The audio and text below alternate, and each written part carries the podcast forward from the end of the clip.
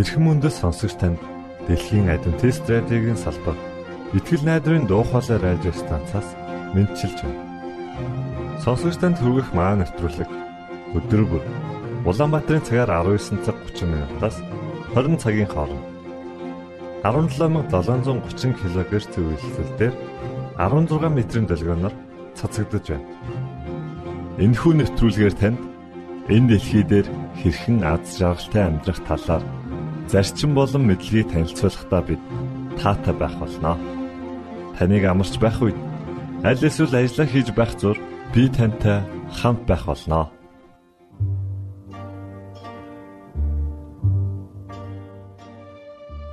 Өнөөдрийн хөтөлбөр боловсрал нэвтрүүлгийн түүхэн хүмүүс зурлаар эхлэх болно. За харин үүний дараа Таны нэр мөнхөд ариун дуг танд төлөөлж байна. Үргэлжлүүлээд Есүсийн амьдрал хэмээх гайхалтай номыг танд аудио хэлбэрээр хүргэж буйлаа. Ингээд та нэвтрүүлгүүдэд хүлээн авна уу?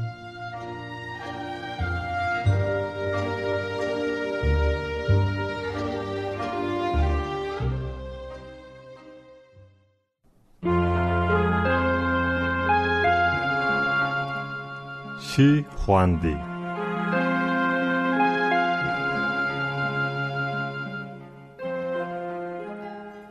Бүх хиттийг нэгтгэсэн дарангуйлагч хаан.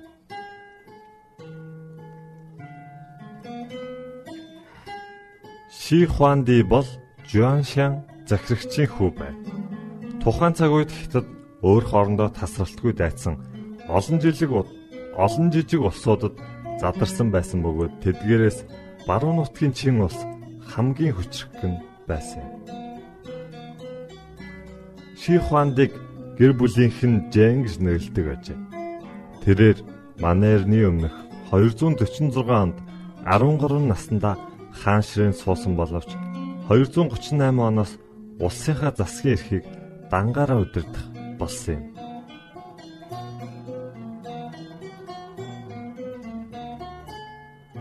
Манерны өмнөх 228-аас 21 оны хооронд тэрээр цус дайныг явуулж улсынхаа газар нутгийг тэлв.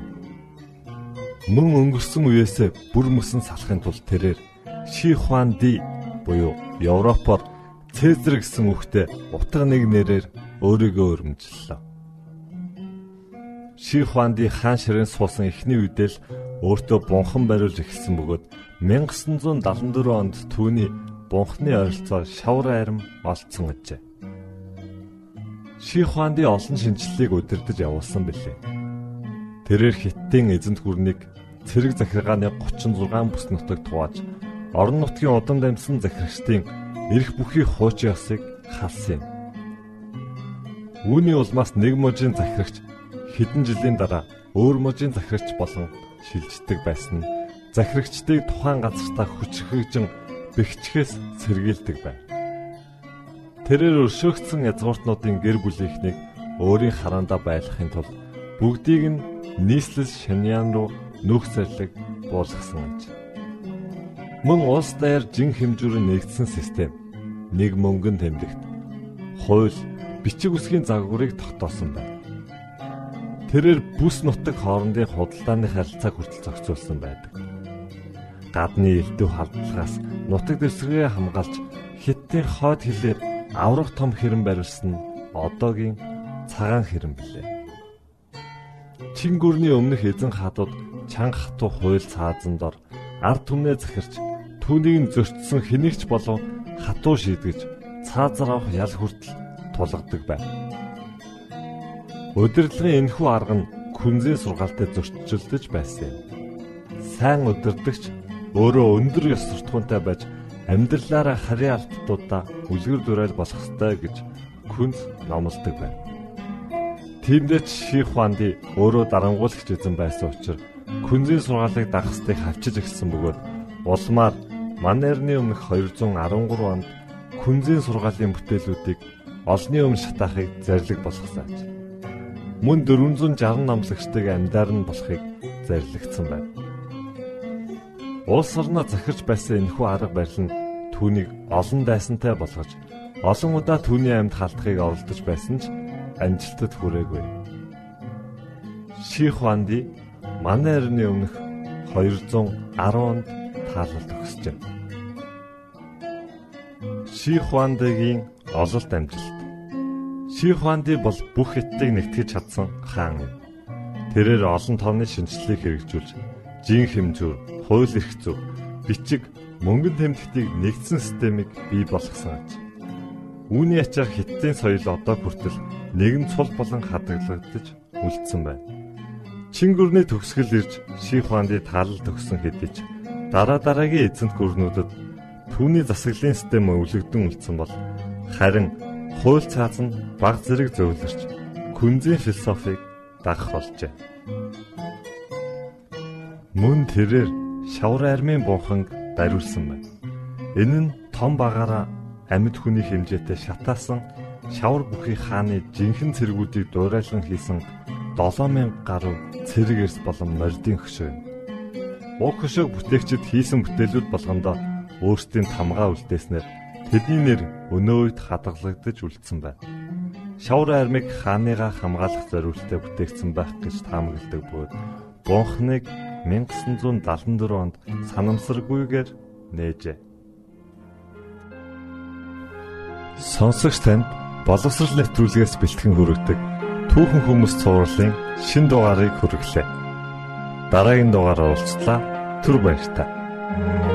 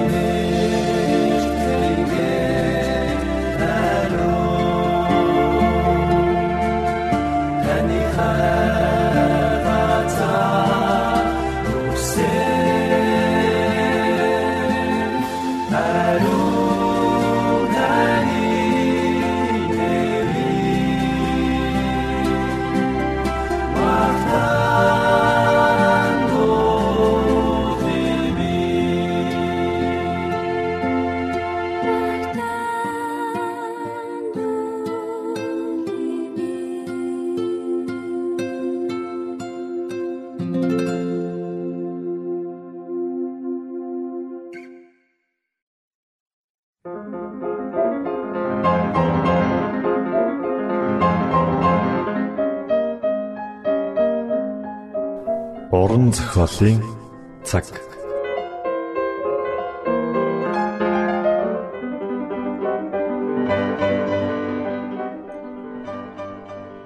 Йосеф Мари хоёр хүү Есүсээ хууль заасан ёсоор тахилчид авчирлаа. Эцэг эхчүүд хүүхдүүдээ өдөр бүр дуган даваачдаг байсан. Сүмийн тахилч Йосеф Мари хоёрыг бусад эцэг эхчүүдээс ялгахгүйгээр харьцаж байв. Учир нь тэр хоёр бусдын адил эгэл жирийн хүмүүс байлаа. Тахилч бяцхан Есүсийг ч бусад нэлэх хүүхдүүдийн адил гэж бодож байсан. Тэрээр Тэнгэрийн ариун сүмийн тэргүүн тахилч бөгөөд энэ дэлхийн аварчийг тэрвэрч байгаагаа анзаараагүй. Хэрв тэр Бурхны үгийг дагаж байсан бол эзэн энэ бүхнийг заан сургаж хэнийг гар дээрээ өргөж байгааг нь мэдрүүлэх байв. Энэ үед Бурхны үнэн ч үйлчлэгчд болох Симеон Ана нар сүмд байлаа. Тэр хоёр бурханд өтөл болтлоо үйлчлээ ирсэн билээ.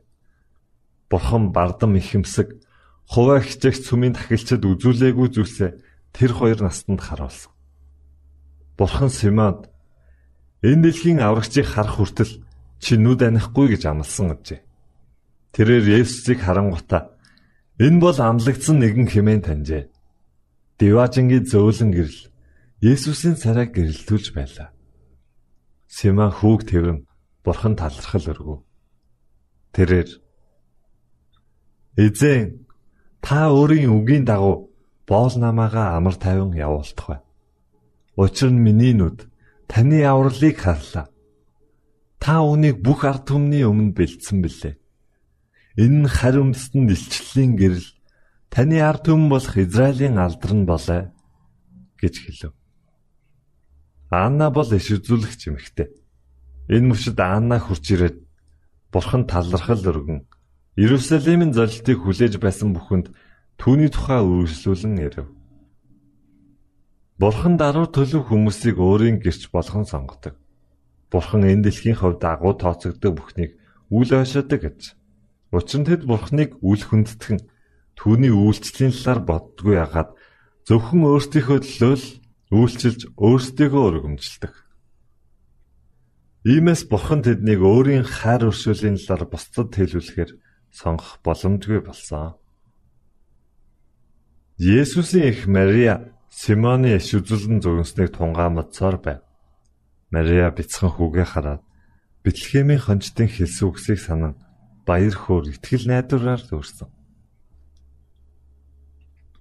Симеоны хэлсэн үгс иш үзүүлэгч Исаягийн зөвнөлийг майраад сануулжээ.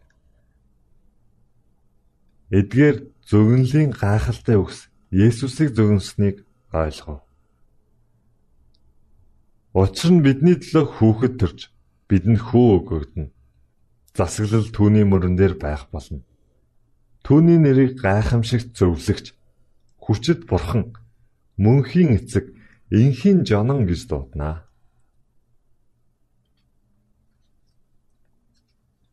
Мэргэдийн айлчлал. Бурхан Христ энэ дэлхийд ирэх болно гэдгийг мэдүүлэхийг хүсэж байсан. Сүмийн тахилчид аврагчийн талаар хүмүүс заах ёстой байтал өөрсдөө энэ талаар мэдэхгүй байжээ. Тиймээс Бурхан Тэнгэр элч нараа хончтод илгээж Христ мэндэлсэн мэдээг болон түүний хаанаас олж болохыг хэлж өгчээ. Есүсийн аав ээж нь хүүгээс хүнд аваачхад Зарим хүмүүс Есүсийг аврагчаа хэмээн хүлээн авсан билээ. Бурхан Симеон болон Аннаг амлагдсан аврагч Месиа бол Есүс болохыг баяр хөөртэйгээр хуваалцаасаа хэмээн урт наслуулсан. Бурхан энэ дэлхийд Христ ирснийг еврейчүүд болон бусад хүмүүст мэдүүлэхийг хүссэн. Тиймээс Алс дорндод мэрэгэн хүмүүс аврагч Месиагийн талаарх иш үзүүлэлтийг судалжээ. Тэд аврагч удахгүй ирнэ гэдэгт итгэв. Гэтэл еврейчүүд эдгээр мэрэгдийг харин хүмүүс гэж үзсэн боловч мэрэгд хуурамчтай шүтдэггүй хүмүүс байв. Мэрэгд бурхны хүслийг үлдэж үннийг мэдхийг хүсдэг шудраг хүмүүс байжээ. Бурхан хүний зүрх сэтгэлийг мэддэг. Тиймээс тэрээр эдгээр хүмүүст итгэж болно гэдгийг мэддэж байсан. Мэргэд хуваа хичээсэн бардам сүмийн тахилч нараас илүү тэнгэрийн гэрлийг хүлээн авах ус зүрх сэтгэлтэй байлаа. Мэргэд гүн ухаан судалдаг байв. Тэд байглаас Бурхны ур бүтээлийг судлан үзээд түүнийг хэрхэн хайрлаж хүндлэхийг суралцсан. Тэд шөнийн тэнгэрийн гайхамшигыг судлах туртай байсан. Тэд шинэ од олж харуул ямар нэгэн агуу үйл явдал болох гэж байна гэж боддог байжээ. Бэтлехемийн хончид Тэнгэрлэгч нар үзэгдсэн тэр шөнө мэрэгд Тэнгэр содон гэрэл гарахыг анзаарчээ. Энэ гэрэл Тэнгэрлэгч нарыг хүрээлдэг сүр жавхлангийн гэрэл байв. Энэхүү гэрэлд замхан алга болох үе Тэнгэрт нэгэн шин од бий болсныг мэрэгд харсан. Тэд эртний нэгэн зөгнөл болох Яаковоос од гарч ирэн Израилаас очир таях босно гэдгийг санджээ. Энэхүү од аврагч Месэ ирснийг бэлэгдэж байв. Мэргэд тухайн одыг дагснаар хан хүрхийг нь олж мэдхээр шийджээ. Тэр од мэрэгдийг хөтлсөөр юудэчүүдийн нутагт тавиачав. Мэрэгдийг Иерусалим хотод ирэхэд од бүдгэрсээр чиглэлээ алдахад хүргэжээ. Уг нь еврейчүүд тэрхүү мэрэгдийг аврагч руу хөтлөн хүргэх учиртай байсан хэдий ч мэрэгд өөрсдөө Иерусалимд очиод еврейчүүдийн саяхан мэндэлсэн хаан хаан байна вэ? Бид түүний одыг дорн зүгт байхыг олж хараад хаанд хүндэтгэл үзүүлэхээр ирлээ гэж асуув. Херод хаан болон бүх Иерусалимчууд үүнийг сонсоод бачимдаж гин. Тэгээд бүх ахлах тэхэлж болон хуулийн багш нарыг цуглуулад Христ хаан төрөх ёстой лавлаж эхлэв. Тэгтэл тэд түн Юудан Бэтлехемд учир нь иш үзүүлэгчийн битснэр гэж хэлжээ. Херод хаан тэтмийг нь булаах шинэ хааны талаар сонсохыг хүссэнгүй. Ингээд Херод одыг хизээ анх харсан болохыг мэрэгдээс лавлан асуужээ. Хаан мэрэгдийг Бэтлехэм рүү илгээгээд "Яв, тэр хүүхдүүдийг сайтархаа. Түүнийг олмогцоо надад мэдэгдэх тун. Би бас очиж түүн бөргөнө гэлээ." Мэрэгд энэ үгсийг сонсоод даруй замдаа гарчээ. Тэгтэл тэдний зүүнтэд гарсан од тэдний өмнө явсаар хүүхдийн байсан газарт хүрээд тогтов.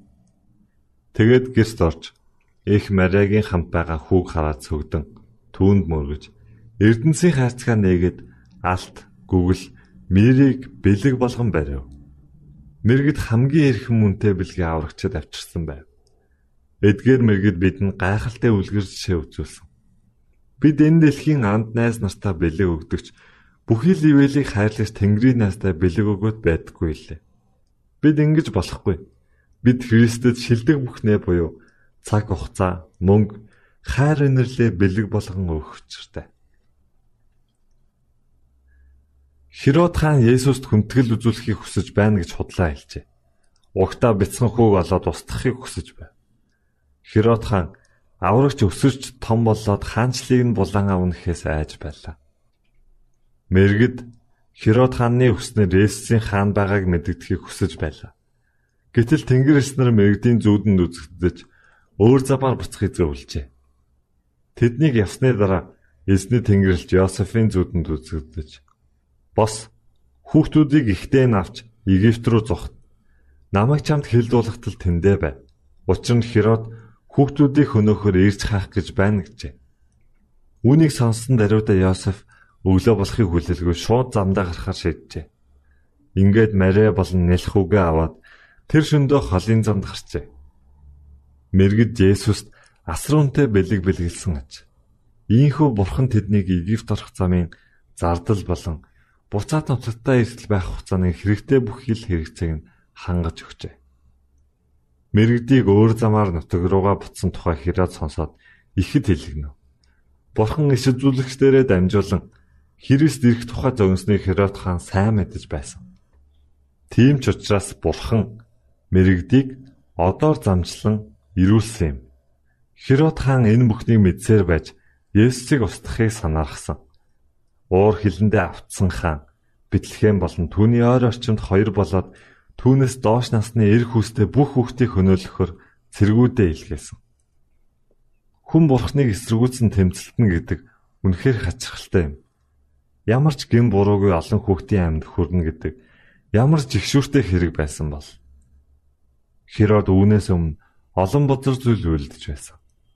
Тиймээс түүний бузармуу амьдрал удахгүй эцс болох нь дамжиггүй. Тэрээр жигшүүрт өглөөр амиа алдсан юм.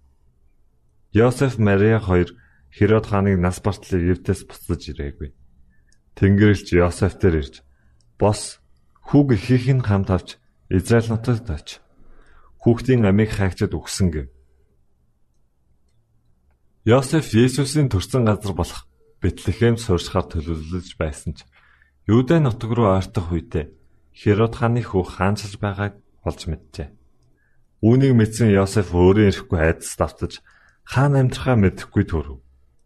Бурхан Йосеф туслахын тулд Тэнгэрлэгчээ илгээж юу хийх ёстойг нь зааж өгчээ. Йосеф Тэнгэрлэгчийн үгийг дагаж өмнө нь амьдарч байсан Назарта буцсан очив. Та уран зохиолын цаг навтруулыг бүлээн авч сонслоо. Дараагийн дугаараар уулзтлаа. Түр баярлалаа.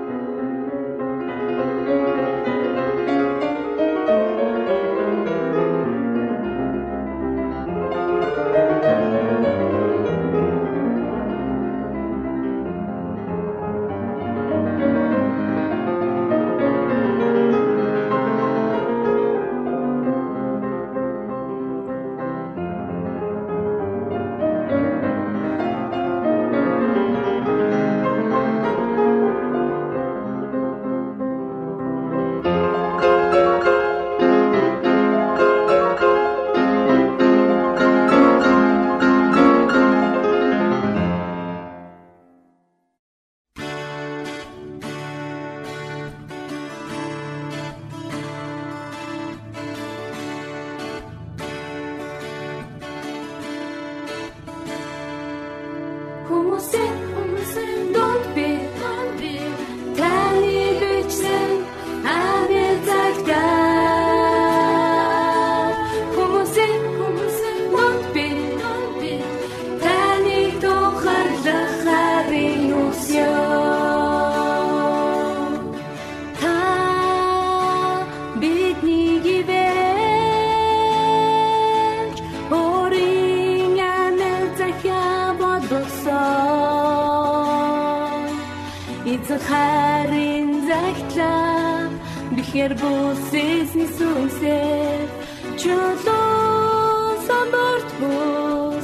бидний зүрхний самбарт битсээ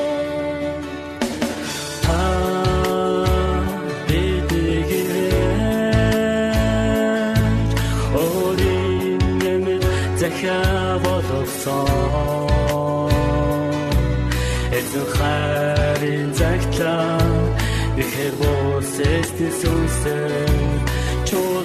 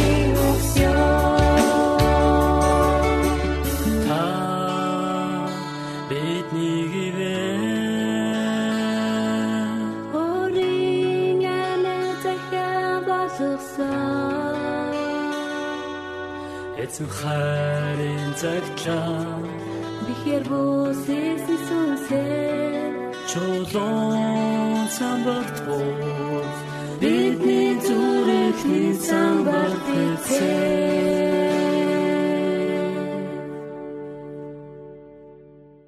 Итгэл найдрын дуу хоолой радио станцаас бэлтгэн хөрөгдөг нэвтрүүлгээ танд хүргэлээ. Хэрв та энэ өдрийн нэвтрүүлгийг сонсож амжаагүй аль эсвэл дахин сонсохыг хүсвэл бидэнтэй дараах хаягаар холбогдорой. Facebook хаяг: Satiin үсгээр Монгол заавад AWR Имейл хаяг mongol.awr @gmail.com Манай утасны дугаар 976 7018 24 9 Шуудангийн хаяг 16 Улаанбаатар 13 Монгол улс. Биднийг сонгон цаг зав аваад зориулсан танд баярлалаа. Бурхан таныг ивээх болтугай